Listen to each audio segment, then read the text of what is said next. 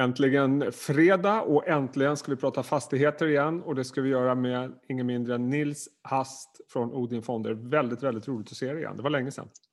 Ja, det var ett bra tag sedan, så väldigt kul att vara med här. Mm. Ska vi börja titta lite grann på fastighetssektorn? Vi kan börja titta lite grann på hur den har utvecklats. Den har ju eh, inte hängt med i återhämtningen uppåt eh, sen botten där i, vad var det, mars någonting förra året. Eh, vad är det marknaden är rädd för, tror du? Alltså jag tror att, att eh, det har väl varit eh, en, eh, ska man säga, covid och corona och det är väldigt lätt att se kanske en del orosmomenter kring då nedstängning av samhällena och då gäller det kanske framförallt handel, reseliv med hotell, men även då kontor när alla jobbar hemifrån och det funkade ändå rätt så okej okay, så är det klart att då blev det väldigt mycket frågetecken kring eh, kanske hur kontorsmarknaden skulle se ut framöver. Eh, och eh, det är väl det som jag tror vi har sett och sen är det fortfarande en del oro kring en del av de momenten. Då. Men samtidigt om man tittar på var vi kom ifrån innan pandemin så var det här en sektor som slog börsen rejält. Är det liksom inte lite naturligt också att det kommer en vad ska man säga, liten dipp det tror jag är helt eh, riktigt. Alltså om du tar 2019 var ett fantastiskt år för fastighetssektorn så att det är klart att, du, att vi låg på en väldigt hög nivå och så kommer pandemin så är det klart att, att, att då eh, blir dippen lite större. Men om man tittar efter det, det är ändå liksom en, go, eh, en bra stund sedan nu, så tycker jag ändå att det är lite anmärkningsvärt att, att sektorn inte har kommit tillbaka eh, lika starkt som en del andra sektorer. Och det är klart, det finns ju i närtid nu i början på året så har det varit en del ränteoro och, och det har kanske påverkat sektorn och lite så. Eh, och sen är det klart att man kanske också måste gå in och titta på delsegmenten, för det är klart att eh, om, om du tar bort de eh, sektorer som, som har gått riktigt dåligt så finns det andra, till exempel logistik, samhällsfastigheter och även bostäder då, som har gått väldigt bra. Och om, vi, om du kort skulle summera rapportperioden då, min känsla var väl ändå att det var en ganska bra rapportperiod för fastighetsbolagen? Jag skulle säga att den var ganska bra, exakt, helt så. Alltså det är väl att man har missat kanske, eller analytikerna har missat eh, på när det gäller eh, net operating income, typ förväntningarna. Ja. En hård vinter, eh, ökade värmekostnader och snöskottning, vilket kanske inte borde komma som en överraskning, men, men, det, men däremot om man tittar på värdeuppskrivningar så har de varit extremt starka. Eh, och det är väl just bara liksom handel och hotell som har haft eh, svagt, annars har det eh, varit starka rapporter. Och Outlook så är ju bolagen rätt så positiva skulle jag säga. Även då inom kanske kontorssegmentet som, som, som ju har, har fått en del frågetecken kring i, i media inte minst. Mm. Och innan det här samtalet så nämnde du också det här med e EUs taxonomi, att det börjar se bra ut. Vad, vad menar du med det? Alltså det, kom ju, det har ju varit olika drafter och nu kom ju en final version eh, som eh, faktiskt ändrade en del, två, två saker egentligen som är väldigt positivt för fastighetsbolagen. Dels har man sagt att det är 15 bästa energieffektivaste eh, fastigheterna som ska då kunna räknas eh, hyresintäkterna mm. därifrån som eh, eligible för, för taxonomi. Eh, och det är positivt och mycket bättre än det var tidigare.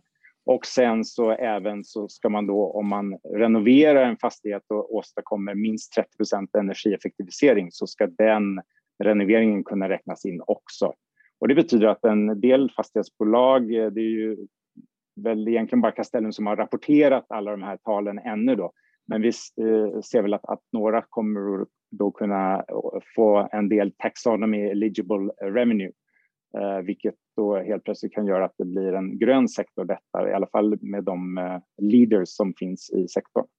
Är det någonting som skulle påverka deras vinster i någon riktning eller är det mer någonting som är goodwill för sektorn? Nej, det är väl mer att, att, att du kanske öppnar upp till en del kapital som eh, måste ha en viss grön profil och helt plötsligt kan de då investera i de här bolagen. Så att det är väl eh, på sikt så kanske finansieringskostnaden minskar för, för de bolagen som, som gör det bra. Då. Okay. Eh, men det är väl inget som påverkar i, direkt. Då. Sen är det klart att, att eh, de kan erbjuda gröna hyreskontrakt och det är klart då kanske man kan ta en annan hyresnivå än vad du kan göra om du inte har det. Eh, men inte så direkt. Och du nämnde det här med de stora skillnaderna i, i i sektorn. Du har liksom vinnarna och förlorare. Det har varit väldigt, väldigt tydligt under det här året. Hur ser du på den diversifieringen framgent? Räknar du med att den består? Jag menar, tar man butiksdöden, så att säga, den var ju ett problem redan innan pandemin. Mm. Medan kanske hotellnäringen är temporär, vad vet jag? Hur, hur mm. ser du på det framöver? Alltså jag tror att, att, att vi eh, kommer antagligen fortsätta att ha, ha väldigt starkt i de som har varit vinnarsektorer som samhällsfastigheter eh, och även i bostäder. Eh, och eh, sen så när det gäller eh, kontor så tror jag att den kommer att komma tillbaka. Jag tror att den här kontorsstöden är lite överdriven och det kommer vi säkert komma tillbaka till. Eh, när det gäller handel så är jag kanske själv lite mer eh, osäker då. Men samtidigt om du tittar i USA så har ju faktiskt eh, shoppingcenterägare eh, kommit tillbaka när det gäller börsvärdena på ett helt annat sätt än, än, än det har skett i Europa. Då. Så att om det är en, en sorts eh, eh, vad ska man säga, vägmärke för hur, mm. hur det ska vara så kanske det inte kommer att vara så illa som, som man tror nu. Då. Och om vi tar då det här med den så kallade kontorsdöden som har diskuterats ordentligt det här senaste året. Och jag noterade att eh, Kungsledens eh, VD, hon, hon sa, upprepade att det är liksom kraftigt, eller det är överdrivet, oron. Men mm. jag kände lite grann, är det inte för tidigt att dra den slutsatsen? Vi vet väl inte riktigt vad de långsiktiga konsekvenserna av eh, hemarbete och så vidare kommer medföra?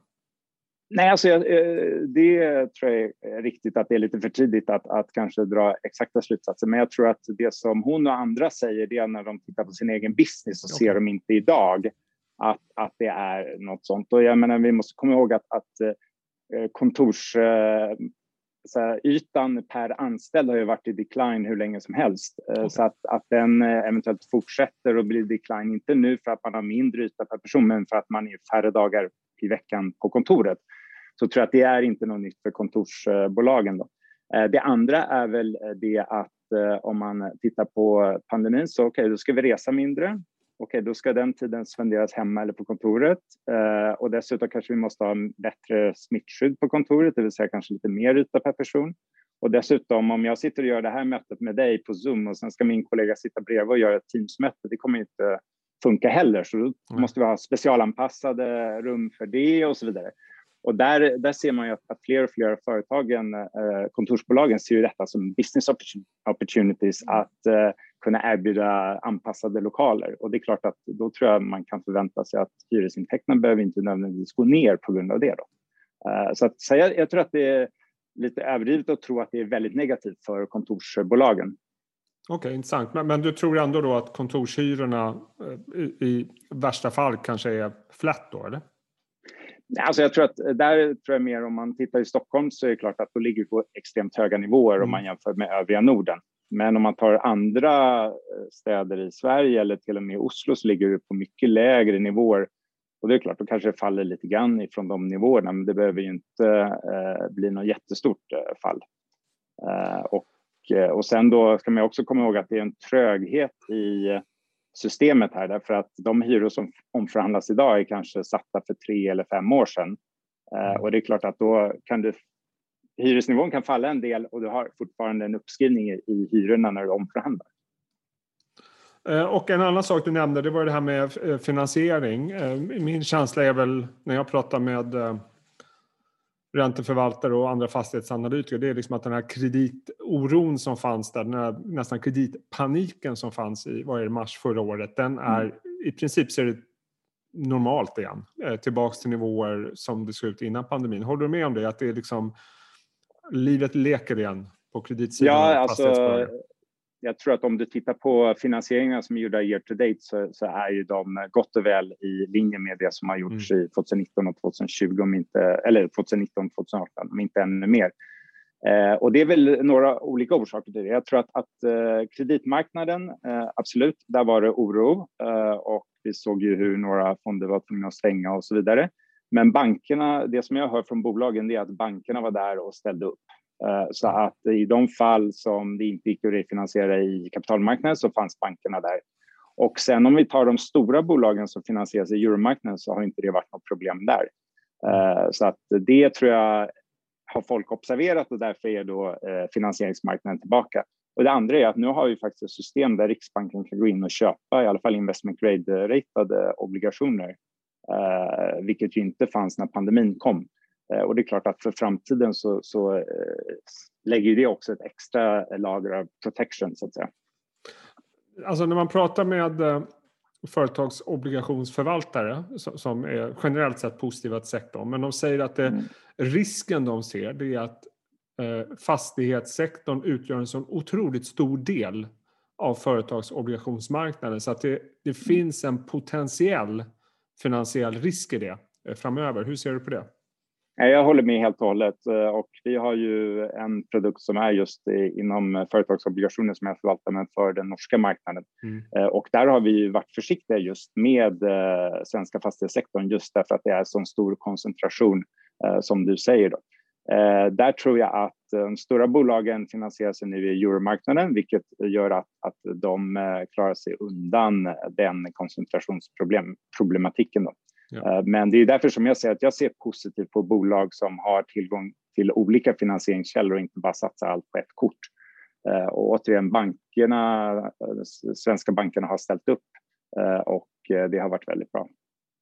Och eh, avslutningsvis vad gäller finansiering, så du nämnde också räntan där i början. Det har ju liksom blivit synonymt med sektorn att eh, högre ränta är dåligt för sektorn, låg ränta är bra. Och eh, nu är räntan låg, men många menar att den trendar uppåt eller åtminstone mm. kommer fortsätta trenda uppåt.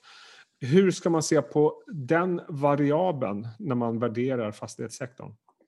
Alltså det är det som jag tycker är lite lustigt att, att högre ränta blir synonymt med att det är dåligt för sektorn. Då. Därför att eh, om högre ränta kommer på grund av att inflationen kommer upp, då är det mm. extremt bra för fastighetssektorn okej, okay, din finansieringskost kommer att bli högre, men, men eh, dina intäkter eh, ökar med inflationen. Så på så sätt så är det positivt.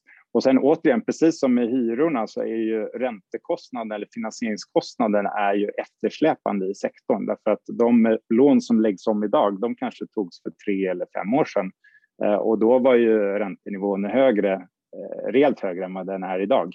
Så att vi kan ju leva med en del högre ränta utan att det behöver vara direkt negativt för eh, bolagen eh, från dag ett. Eh, och avslutningsvis Nils, om, utifrån det vi har pratat om, hur väljer du själv att investera i sektorn? Var vill du vara? Var vill du inte vara någonstans? Alltså jag tycker att det som är bra när man har en fond med 25-30 olika innehav är att vi kan vara i flera olika pockets samtidigt. Och min egen strategi är alltid när det är liksom lite osäkerhet, det finns lite olika eh, meningar om saker och ting, då är det rätt så bra att kunna diversifiera sig. Så att vi finns i kontorssektorn, absolut. Eh, vi mm. finns i Stockholm, men också väldigt mycket utanför Stockholm. Det finns många väldigt bra bolag, till exempel, som satsar på Norrland, eh, där det nu sker en hel del saker, eh, vilket är väldigt intressant. Och dessutom ligger de hyresnivåerna på mycket lägre nivåer, så att fallhöjden är mycket, mycket mindre. Tänker du på Diös, eller? Diös är ett ja. bolag som vi har, men du har även eh, MP3 på ja. liksom mer logistik och eh, lättindustrisidan.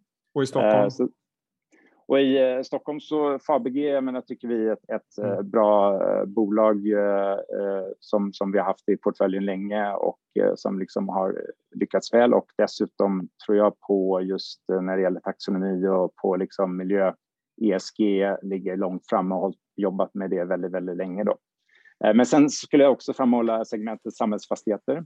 Eh, logistik, väldigt intressant. Där finns det bolag som är dyra men också en del bolag som kanske inte helt hängt med ännu men som borde ha potential också going forward. Vad, vad, tänker du på där? Är det Catena som du tycker är lite dyrt eller vad, vad är Nej, alltså, om du tar eh, Catena är dyra men det är fantastiskt mm. bra bolag eh, och vi har dem som stora positioner i portföljen. Eh, Stendörren kanske är lite mm. mindre känt eh, på grund av att det är lite mindre och, och så. Eh, men de har kanske inte helt hängt med i, i, eh, i den, eh, vad ska man säga, H som har varit inom logistik. Då. Därför tycker vi att, att ett sådant bolag är intressant och det är också en stor, stort innehav i fonden. Och eh, du nämnde samhällsfastigheter. Vad tänker du på där? Är det framförallt SBB eller något annat? Alltså, vi var ju med i, jag vet inte om du kommer ihåg Offentliga hus som mm. väl är en av de kortast livade aktierna på börsen eh, som blev introducerade men sen eh, SBB la ett bud på dem. Då. Där var ju vi med och vi hade stora förhoppningar om det bolaget.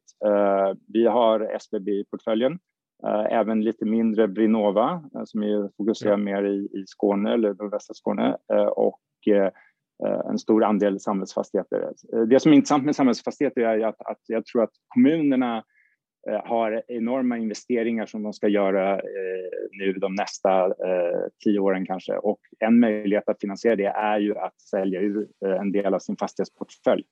Och då finns det möjligheter för bolag i, i samhällsfastighetssektorn att, att då kunna komma över nya fastigheter. Så jag tror att det är ett väldigt intressant segment också, väldigt konjunkturokänsligt.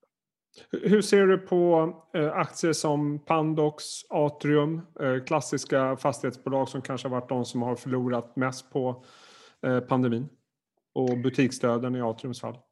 Ja, exakt. Alltså jag tror om man tar det generellt så tror jag att, att reselivet kommer att komma tillbaka, absolut. Sen är frågan hur snabbt det kommer tillbaka och, och liksom hur, hur det ser ut framöver eh, om man tänker affärsresande mot nöjesresande och så.